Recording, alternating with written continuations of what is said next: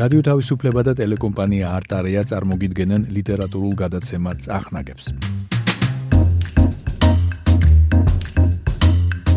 გადაცემის ავტორი და წამყვანი ლევან ბერძენიშვილი ისაუბრებს ციგნებზე, წერალთა ურთიერთობებზე, ლიტერატურულ პრემიებზე, ლიტერატურისა და დროის კავშირზე. ეს არის საუბარი სიტყვის სიყვარულზე. მოგესალმებით ძვირფასო მეგობრებო, ეს არის გადაცემა წახნაგები, რომელსაც უძღვები მე ლევან ბერძენიშვილი. ამ გადაცემაში ჩვენ გვაქვს რუბრიკები და დღეს ისევ მოქმედებს რუბრიკა ექსეგი მონუმენტუმ, ანუ ძეგლი ავაგე. ამ რუბრიკაში ჩვენ საუბრობთ პოეზიაზე, პოეტურ შედევრებზე და დღეს გვაქვს მეორე გადაცემა პოეტურ შედევრზე, რომელიც არის ვეფხისტყაოსნის უმთავრესი ნაწილი. ეს გახლავთ ანდერძი ავთანდილისა, ჩვენ ამაზე ვისაუბრეთ. მივედით ბევრი ვერ გავიარეთ ასე ვთქვათ ეს ანდერძი და იქ აღნიშნეთ მაშინ და ახლაც გავიმეორებ რომ ანდერძი ავთანდილისა ეს არ არის უბრალოდ ვეფხისტყაოსნის ნაწილი ეს არის მისი სტრუქტურული ცენტრი, მისი ყველაზე მნიშვნელოვანი შემადგენელი, რომელიც არის კიდევაც თვითონ ვეფხისტყაოსანი. ანუ ვეფხისტყაოსანი ორი ძეგლი არის ანდერძი და არის მთელი ვეფხისტყაოსანი. თელს ვეფხისტყაოსანში რაც არის ნათქვამი ფართოდ პერსონაჟთა ხასიათების, სიუჟეტის, ფაბულის გამოყენებით, ავთანდილის ანდერჩი ყველაფერი ეს ნათქვამი არის კონდენსირებულად, ნათქვამი არის იშვიათი, უიშვიათესი ზნული სიტყვით, რომელიც მხოლოდ რუსთაველ შეიძლება ახასიათებდეს, ეს არის უცნაურზე უცნაური ზეგლი, რომელსაც აქვს უზარმაზარი ზეგავლენა. მე ადრეც მithქონდა კიდე გავიმეორებ, განსაკუთრებულ მდგომარეობაში ავთანდილის ანდერს აშკარად აქვს თერაპიული მნიშვნელობაც კი არა მარტო განწმენდის თვალსაზრისით, არა მარტო კათარტული თვალსაზრისით, არამედ ასე ვთქვათ ორგანიზმისა და გონებისა და სხეულსulis და ხორცის მობილიზაციის თვალსაზრისით. ასეთი ზეგლი გახლავთ რომელშიც ჩვენ უკვე ვილაპარაკეთ იმაზე როგორ იყო წარმოქმნილი სიყვარულის კონცეფცია და იმაზეც როგორ იყო რომ არაბმა ჭაბუკმა არაბ მეფეს გაახსენა სახარება, რომელსაც არაბები რუსთაველის აზრით კარგად უნდა იცნობდნენ, ვინაიდან ყველა შვენივრად ხვდებით, რომ ეს არ არიან არაბები, ეს არ არიან სპარსელები, ეს არ არიან ხატაელები, ეს არის სოფლიო უნივერსალური ადამიანი, რომელიც სხვათა შორის ლინგვა ფრანკად ხმარობს ქართულ ენას, იმიტომ რომ თან ზიზე თქვა, ყმა ყვილი და თბილ ქართულიო სიტყვა. ქართული ორჯერაა ვეფხისტყაოსანში ნახსენები ერთხელ ამ კონტექსში მეორეჯერ კი რუსთაველი როდესაც ამბობს რა არის ასე ვთქვათ პოეზია ეს ამბობს არ შეამოკლოს ქართული. ანუ არ შეამოკლოს ტექსტი იქ სადაც არ არის მისი შემოკლება აუცილებელი. ამის შემდეგ იწყება ღვთის კონცეფცია წარმოქმნილი ღმერთის კონცეფცია წარმოქმნილი ავთანდილის მიერ ავთანდილი ამბობს რომ ვინ დამბადა შეძლებაცა მანვე მომცა ძლევად მტერთად აა ვინ არ ზალი უხილავი შემწეთ ყოველთან მწიერ და ვინ საზღვარსა დაუხსაზღლოს ის უკტავი ღმერთი ღმერთად იგი გახდის წამის ყოფად ყოფით ერთსა ასად ასსა ერთად. აი აქ ნათქვამი რომ არის რომ ვინც დამბადა მანვე მომცა ძლევად მტერთაო შეძლებაცო ეს ძალიან უცნაური შეხვედრა არის იმ ისევ იმ ფილოსოფოსთან, რომელიც რუსთაველს ასე უყვარს, ეს არის შეხვედრა პლატონთან. საქმე ის არის, რომ არავითარი ასე ვთქვათ კონსულტაცია არავისთან ავთანდილს არ მიუღია, მან ისე მიიღო გადაწყვეტილება, რომ უნდა წავიდეს სტადილის დასახმარებლად. იგი არ შეკითხვია ღმერთს, იგი უბრალოდ ამბობს, რახან მე ასე ვაკეთებ, ეს ეთყობა ღმერთს სულს და რაც ღმერთს სულს, ის იძლევა ამ ძალას. ვინც დამბადა, ვინც გამაჩინა, მანვე მომცა შეიძლება რომ ის გავაკეთო ის გაკეთებასაც ახლა ვაპირებ. ანუ უნდა ძლევის ძალა მან მომცა. ეს ძალიან გავს იმას, რასაც ამბობს სოკრატე, სოკრატეს აპოლოგიაში პლატონი. სოკრატე ამბობს, რომ იგი რაღაცებს აკეთებს და მას აქვს შინაგანი ხმა და შინაგანი ხმა ეუბნება რა არ უნდა გააკეთოს. რასაც ის აკეთებს, ამას ეთანხმება შინაგანი ხმა, ესე იგი ამას ეთანხმება ღმერთი. ავთანდილიც ამბობს, რომ მე ახლა რასაც ვაკეთებ, ამას ხო ჩემით არ ვაკეთებ, ამას ღმერთი მაკეთებინებს და ღმერთი კი ჭირდება მას იმისთვის, რომ აუხსნას როსტევანს, რომ კიდე უფრო როსტევანი მისი უფროსია, მაგრამ კიდე უფრო მაღალი უფროსი არსებობს და ღმერთი სურვილის გარეშე იგი არ მოქმედებს. აი როსტევან შენ დიდი ხარ ისე უგნება ამით, მაგრამ ღმერთი შენზე და ჩემზე მაღლა დგას და ის მიბიძგებს ამ საქციელისკენ, იმიტომ რომ რაც ღმერთს არ სურს, არანაირი საქმე არ იქნება. ანუ მე ამას ვერ გადავდგამდი ამ ნაბიჯს, რომ არ იყოს უფლის ნება, რომ არ იყოს უფლის სურვილი, რაც ღმერთს არ ასწავდეს, არა საქმე არ იქნების და ამის შემდეგ იგი უხსნეს, რომ მზის ძალა სიკეთის ძალა, ღვთის ძალა, სულ ყველაფერი არის ასე ვთქვათ ის განგება, რომლის გარეშე ავთანდილი ვერ იმოქმედებდა. ამიტომ იგი აღარ ემორჩილება ადამიანურ კანონებს, არ ემორჩილება იმას, რომ არის პასპეტი და უნდა შეასრულოს თავისი მოვალეობა, არ ემორჩილება იმას, რომ არის ავთანდილი ქვეშევდომი როსტევანისა და როსტევანის ნების გარეშე არ უნდა გადადგას ნაბიჯი, იმიტომ რომ იგი პირდაპირ ღმერთს და ღმერთის ნებას ემორჩილება. და მე ვიდგავძლო უმისობა ან სიцоცხლე ვითმეთნევისო ის ამბობს რომ იგი ვერ გაჩერდება და ვერ შეასრულებს თავის მოვალეობას რომელიც პატარაა იმასთან შედარებით რა დიდი მოვალეობაც მას დააკისრა ახალმა მეგობრობამ და ახალმა სიყვარულმა. ჩვენ თან ხას უსვამთ იმას და ავთანდილი თვითონაც ჩვენი და ხვდება ამას და ჩვენც ხვდებით რომ იგი ერთადერთია ვისაც ამის გაკეთება შეუძლია იმიტომ რომ ტარიელს ამის გაკეთება არ შეუძლია ვინაიდან მას გონება დაბინდული აქვს. ხოლო ერთადერთი კაცი ვისაც კიდე შეიძლება რაღაცა დახმარებისთვის მიმართოს არის ფრიდონი რომელსაც ღმერთმა არ მისცა ამის შესაძლებლობა. ღმერთზე როცა ვლაპარაკობთ სულ მახსენდება ძალიან ანტიკური კონცეფცია აქ რუსთავის წარმოდგენილი. იგი ნამდვილი რენესანსის პოეტი არის ამ თვალსაზრისით იმიტომ რომ ისეთი ძველი ანტიკური წარმოდგენები აქვს მას რომელიც მხოლოდ ანტიკურობისთვის კარის გახსნით და ხელახლა ანტიკურობის ხელახლა დაბადებით იყო შესაძლებელი. აი როგორი იყო წარმოდგენა ანტიკურობაში ამ საკითხზე ღმერთი როგორი ძლევა შეძლებას. როდესაც აქილევსა და აგამემნონ შორის შეიქმნა დიდი კამათი და დაპირისპირება და აქილევსმა მასზე გაიწია, უბრალოდ ქალღმერთმა ათენამ გააჩერა რომ და უთხრა რომ ხმალს ხელი გაუშვიდა სიტყვიერად რაც გინდა უთხრიო აქილევსმა გალანძღა აგამემნონი და ლაჩარი უწოდა მას ძახთა პირი უწოდა და ლაჩარი უწოდა იმ ხრი რომ მეო წინ ვიბძიო წინა რიქშიო მეო ვარ ავანგარდის მეომარი და შენ არიერგარჩი დგახარ და წინ ვერ მიიწევ იმიტომ რომ არა გაქვს ბაშკაცობაო და ყველასგან გასაკვირად კი არ უარყო აგამემნონმა ეს კი არ თქვა როგორ თუ მე არა მაქვს ვაშკაცო ახლა ქართველი ყოფილიყო გინდა არიერგაჩი ებძოლა და გინდა სახში ყოფილიყო და მოვლი ნამდვილად ვიცი იტყოდა რომ ბიჭო ვისაკლი აქვს ვაშკაცო ვინა შენზე ნაკლები ვაშკაცი მაგრამ მან სულ სხვა რამ თქვა იმიტომ რომ ანტიკურობა არის აქ სულ სხვა რამ თქვა? ის თქვა რასაც ლუსტაველი ასე კარგად იყენებს. მან თქვა რომ შენ კიო ხარო ჩემზე მაგარი ვაშკაცო მაგრამ ეს ხო შენით არ ახარო. ეს ხო ღმერთმა მოგცაო. აი ეს კონცეფცია რომ ყველაფერს ამას ღმერთი იძლევა აქვს აქ წარმოდგენილი ლუსტაველს რომ მე რაც მან მომცა ეს ძალა ერთა ძლევად ანუ ჩემი მიერ შექმნილი არ არის ის აღიარებს რომ მე მაქვს ეს ძალა და ეს ძალა ტარიელისგან განსხვავებით ამ წუთას არ არის ფიზიკური და მithumetes არ არის ასე ვთქვათ დაუოკებელი ძალა რომელთა ცხოველებთან ომი შეიძლება და ბრძოლა. არა ეს არის ინტელექტის ძალა რომელიც ღმერთმა მიცა ავთანდილს და ეს არის ის სწორედ რაც ახლა გვჭირდება, იმიტომ რომ ჩვენ ახლა თანამედროვე ადამიანები რო წარმოვიდგინოთ, ჩვენ გვჭირდება დეტექტივი, დაქირავებული დეტექტივი, რომელიც პროფესიონალი, რომელიც იპოვის ნესტანს. ჩვენ გვჭირდება გამომძიებელი, ჩვენ გვჭირდება ინტელექტუალური მჩხრეკელი, ვინც სოფლიოს დაივლის და იპოვის ნესტანს. ახლა ჩვენ გვჭირდება უბრალოდ გენიოსი, ჰაკერი, რომელიც ამას აკეთებს და სხვა და სხვა. გააჩნია რომელ ეპოქაში ვიქნებით, მაგრამ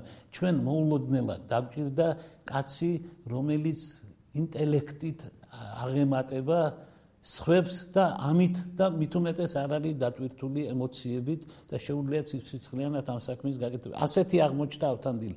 ამ როლში აღმოჩნდა და მას არ შეუძლია მას უღალატოს, იმიტომ რომ მის გარდა ამის გამკეთებელი არავინ არ არის და იგი თავისი თავიდან ექსპონირებას აკეთებს, ზემოთ აყავს ეს ამოცანა და ამბობს, რომ ეს ჩემი ამოცანა არ არის, ეს ღვთის ამოცანა, ღმერთმა მიმძანა ამის კეთება. ის ამას ისევე ამბობს და ისევე დამაჯერებელია, როგორც სოკრატე პლატონის დიალოგში როცა ის ამბობს რომ მე ეს ამას ვაკეთებ და შინაგანი ხმა არ მეუბნება რომ სწორი არ ახარ ესე იგი მე მოქმედებ ღვთის ნების მიხედვით. და იცის ავთანდილმა რომ დაუწყრება მას როსტევანი დაწყრება როსტევანი იცის რომ გაწყრება იმიტომ რომ ბოლოს და ბოლოს მისი ქვეშევრდომია და ბოლოს და ბოლოს რითი ვერ შეხვდა და რითი ვერ დაარწმუნებდა. თუ მართალია რატომ არ ხვდება რატომ არ არწმუნებს რატო არ ელაპარაკება? ამას იტყვის როსტევანი. ნებისმიერი მეფე ამას იტყოდა რომ კი მაგრამ მე იქნებ არც დამეშალა იქნებ გამეშვა კიდევაც და სხვა. მაგრამ ავთანდილმა იცის რომ როსტევანი მას არ გაუშვებს. ავთანდილმა იცის რომ როსტევანი ვერ ჩაწვდება უცებ იმას რასაც თვითონ ჩაწვდა, იმიტომ რომ როსტევანს ტარიელი არ უნახავს. როსტევანს ტარიელისთვის თვალი აქვს მოკრული და გონია იგი ეშმაკის რაღაცა მოვლინება, რამაც მისი დაღრიჯულობა და ანუ ცუდ ხასიათზე დამყენებელი კაცი არის. არავის არ უყვარს ისო, ვისაც მოაქვსო ცუდი ამბებიო. და ტარიელმა თავის თავს თვითონ მოუტანა ცუდი ამბავი, 12 მონა მოუკლა.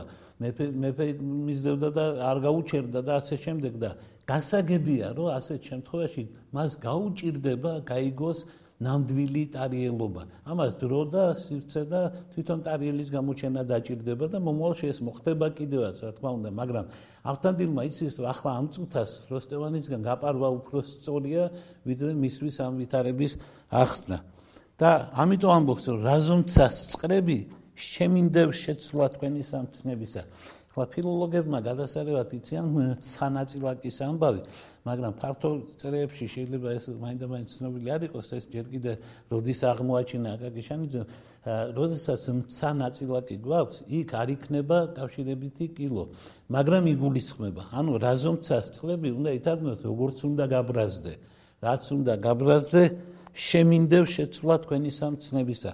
უნდა მაპატიო რომ შენს ცნებას, ანუ შენს დავალებას, შენს მოვალეობა შენს მიმართ ჩემს ვალდებულებებს მე სვალებადობა ანუ ღალ სიტყვა ღალაც არ ამბობს მაგრამ შევცვალეო ამბობს უნდა მაპატიო ეს რა ძალი არ მქონდა წვეთნილსა მე მაგისისა თნებისა მე ამის ძალა არ მქონდა იმიტომ რომ არსებობს რაღაცა რაც ამაზე მაღლა დგას რამაც მე დამატყდება. ეს რაღაცა არის ტარიელი. ტარielis მიერ დასმული ამოცანა. ეს არის ნესტანის ძიების ამოცანა რომელმაც ავთანდილი აქცია კაცად რომელსაც შეუძლია თავის უშუალო მოვალეობებზე უარი თქვას, იმიტომ რომ გამოჩნდა უფრო მაღალი ამოცანა, უფრო მაღალი მოვალეობა და ამ მაღალი მოვალეობა ეს როგორც ამათმყოფობა ისე არის ნაჩვენები, როგორც სახადი, რომელიც უნდა მოიხადო და მან თქვა, რომ წასვლა არის ამისგან წამალი.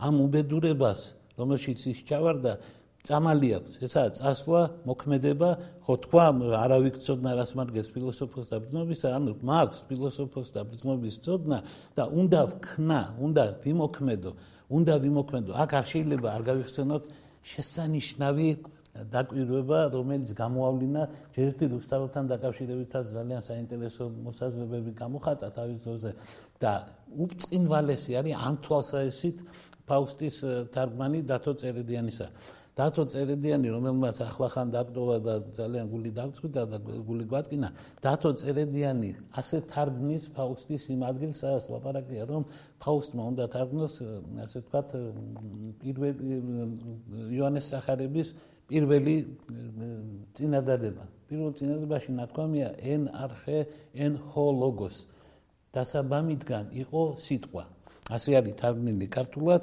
ასე არის ათონელების თარგმანში და ასე არის თურმე გერმანულში. Das wort წერია იქა და ფაუსტ შეაქვს ეჭვი რომ არა ლოგოს არ გადმოცემს თითქოს word-ი არ გადმოცემს ის აბა რა უნდა გადმოცეს? ისქნები კარი აზლი არა არ მოწონს აზლი.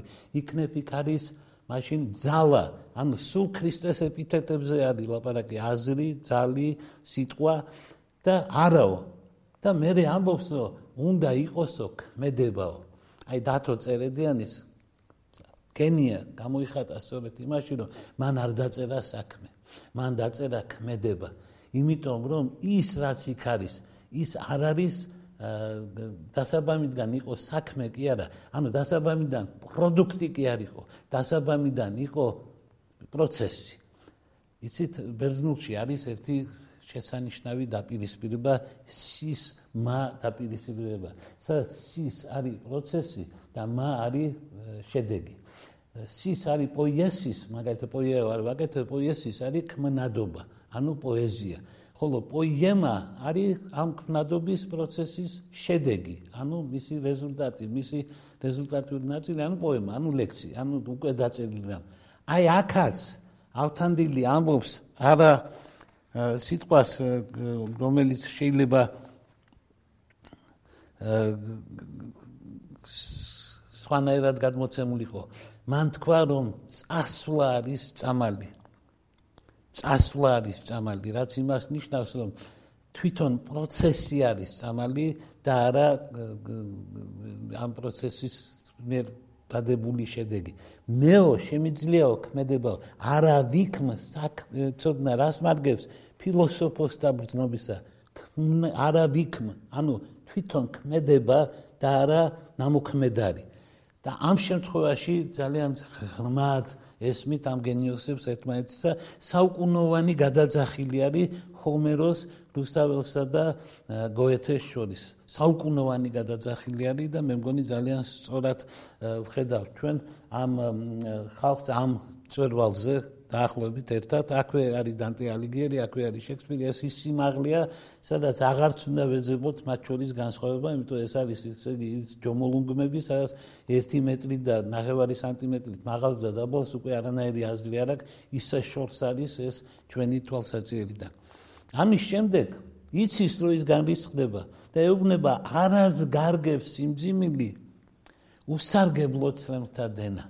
ანუ ტყვილად არიტირო არ აქვს ამას სარგებელი, რატომ? არ გადავა გარდუვალად მომავალი საქმეზენა. ანუ წარმოუდგენელია, რომ არ მოხდეს, რაც უფალმა ჩაიფიქრა. მომავალი ზენა საქმე იქნება აუცილებლად გარდასული.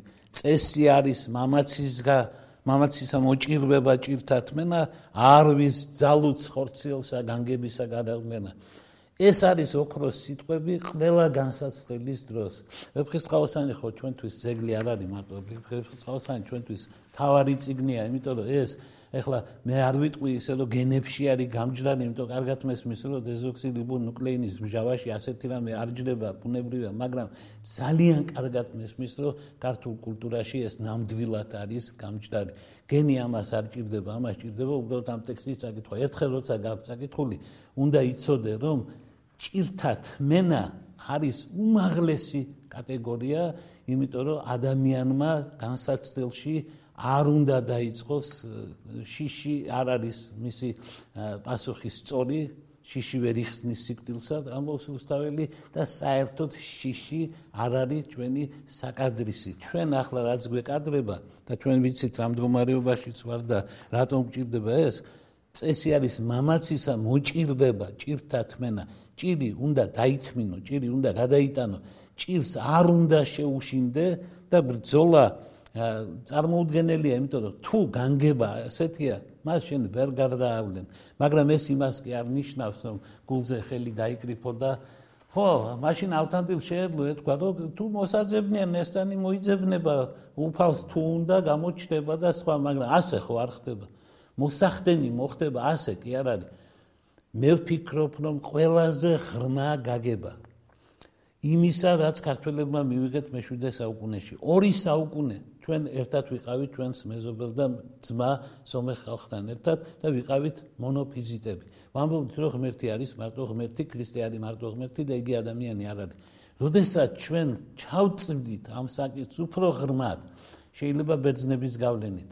ჩემი გვარის ასე თქვა ცალკეული წარმოადგენლები ამტკიცებენ რომ ჩვენ პირველები ვართ მაქიდან და ბერძნები იმიტომ ქვია რომ დიოფიზიტები ვიყავით პირველი ქართველი დიოფიზიტებიო და ესეთი გვარები იცით რელიგიური წარმოშობისა სომხიშვილები იქნება ეს თუ ფრანგიშვილები თუ სხვა ესენი არც ფრანგები არიან სომხი და არც მე არ ვარ ბერძენი თუმცა მახსოვს ერთხელ ვიღაცამ ტერმა დამიწერა მახსოვს ზანაზანას გასაგ საეჭვია მისი გვარიცო და ეგონათ რომ თავს მოვიკლავდი ბეძენი თუ აღმოჩნდებოდი მაგრამ ეს ნამდვილად ასე ვერ იქნებოდა მაგრამ არა ვიცი დაახლოებით როგორც არის და მე ვფიქრობ რომ დიოფიზიტობის ამბავი ყველაზე ღრმად სწორედ იმაში მდგომარეობს რომ დიოფიზიტობა კარნახობს მოქმედებისკენ. ანუ ქრისტე იმიტომ მოვიდა ჩვენთან, რომ მას ემოქმედა. ის ადამიანი იყო და მან იმოქმედა როგორც ადამიანი. მას ჰქონდა ადამიანური ტკივილი, მას ჰქონდა ადამიანი, ყველაფერი ადამიანური მას ჰქონდა, თუმცა კი მოგეხსენებათ ეს ურთულესი საკითხია და ძალიან სერიოზული კამათი არის, მაგალითად, ქრისტეს ჰქონდა თუ არა დეფეკაცია, იმიტომ რომ როგორ ახლა ღმერთია თუ ადამიანია თუ მართლა ადამიანია, ბოლომდე და არის თეორიული ნაშრომები, სადაც ამტკიცებენ, რომ ჭამდა და სვამდა, მაგრამ შედიოდა, მაგრამ არ გამოდიოდა არაფერი. ასეთი ნაშრომები არსებობს თეოლოგიაში და ბევრი სხვა პრობლემა არის ამას დაკავშირებით, მაგრამ მისი თავარი ადამიანური ჰიპოსტაზი არის, რომ იგი მოქმედებდა.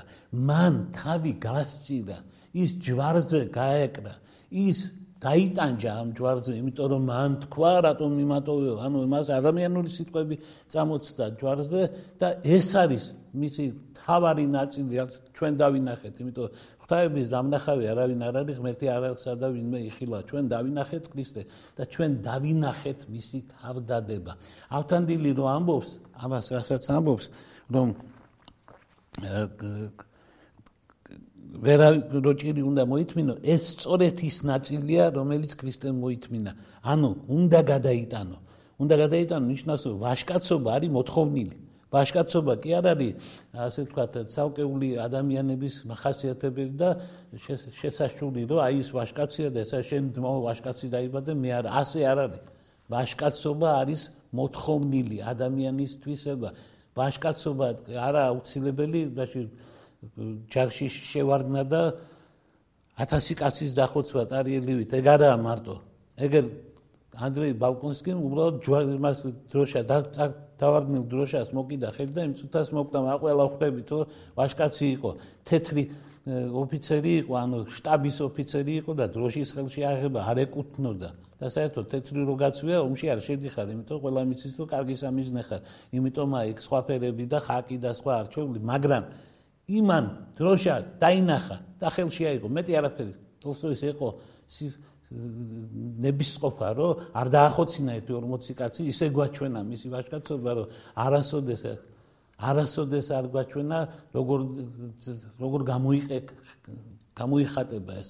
ავთანდილ სტარიოს უამრავჯერ აქვს ჩვენთვის დამტკიცებული ვაჟკაცობა იმით რომ შეუძლიათ მილიონებში ებრძოლონ მაგრამ თავარ ვაჟკაცობას ავთანდილი ახლა იჩენს როდესაც როსტევანს ტოვებს, როდესაც არაბეთს ტოვებს და მიდის ძალიან საეჭვო საქმეს აკეთებს ამათი თვალსაჩინით და მიდის მეგობრის გადასარჩენად, იმიტომ აბსოლუტურად არწმუნებულია, რომ მარტო მას შეუძლია ნესტანის პოვნა. ხო, შეიძლება ეს ძალიან ამბიციური პროექტია, შეიძლება ძალიან ამბიციური ფიქრია საკუთარ თავზე, რომ სოფლიოს რაღაცა ერთ წერტილში ვიღაცა ერთი ცალი, ერთი ქალია დაკარგული და იმას ავთანდილი მიაგნებს, მაგრამ მას ამის რწმენა აქვს, მან იცის, რომ ამ საქმეში მას დამხმარე ყავს, დამხმარეს მისთვის ღმერთი ქვია. და ის ამბობს რომ არ მოხდება არაფერი მის გარეშე, მაგრამ ეს არ ნიშნავს რომ ავთანდილის სახში დარჩება და დაელოდება როგორ მოხდება ის რაც მის გარეშე არ ხდება. მის გარეშე არ ხდება ნიშნავს რომ შენ მისი ინსტრუმენტი ხარ. ავთანდილი ღმერთის, ანუ განგების შემადგენელი ნაწილია და მისი ხელით იმოქმედებს ახლა განგება. აი ამას გწნობს. ასეთი არის მისი ამბიცია.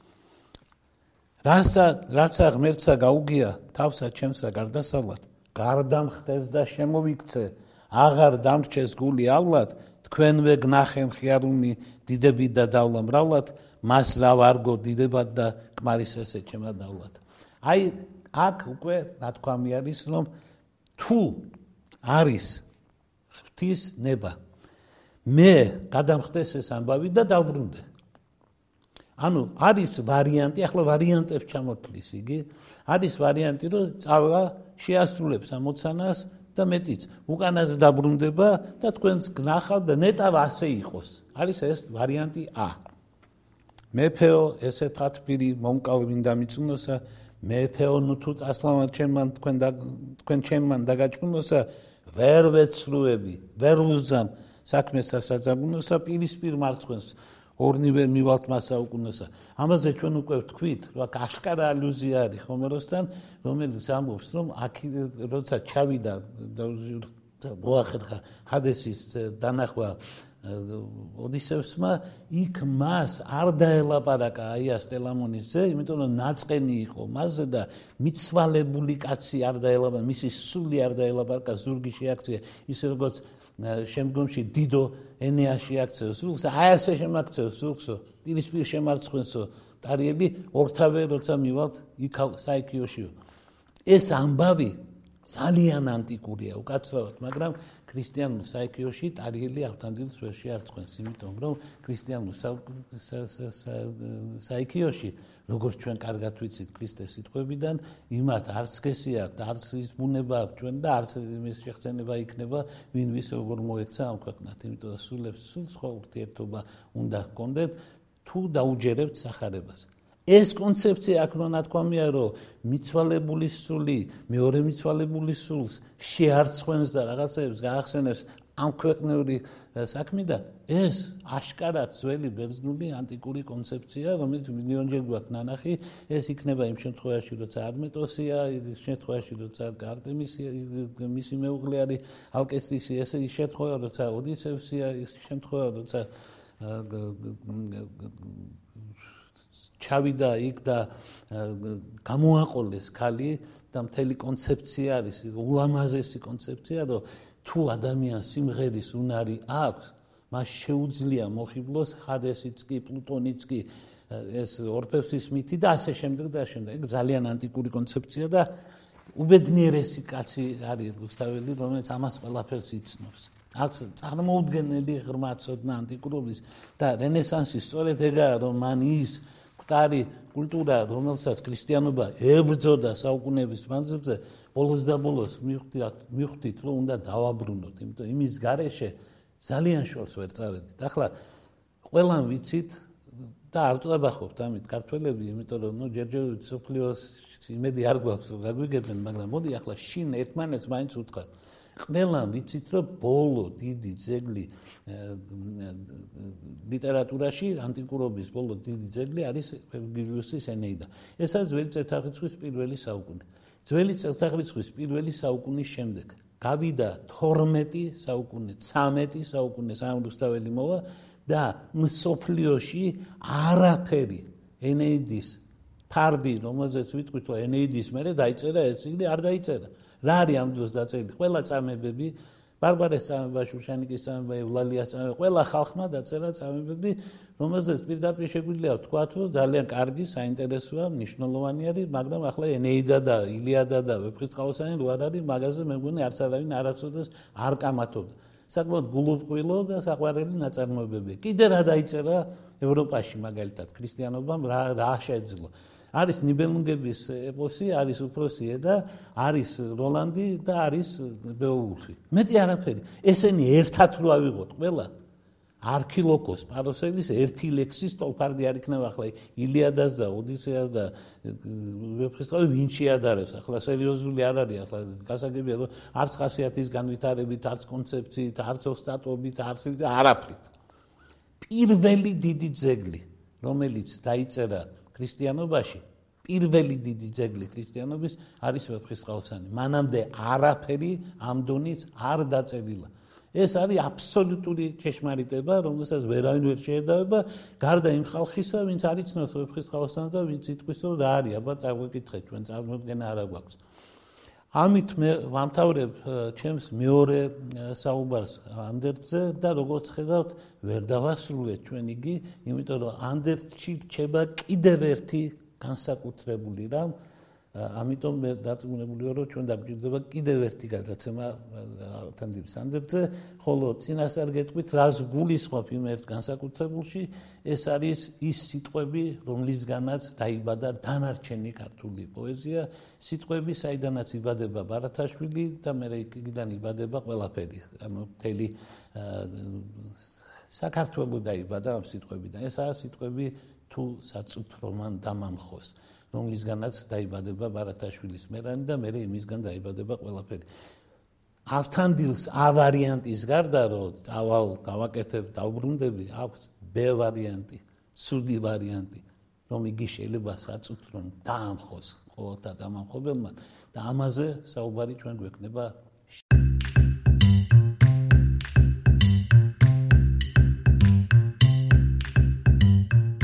რადიო თავისუფლებამ და ტელეკომპანია არტარიამ წარმოგიდგინეს ლევან ბერძენიშვილის გადაცემა. წახნაგები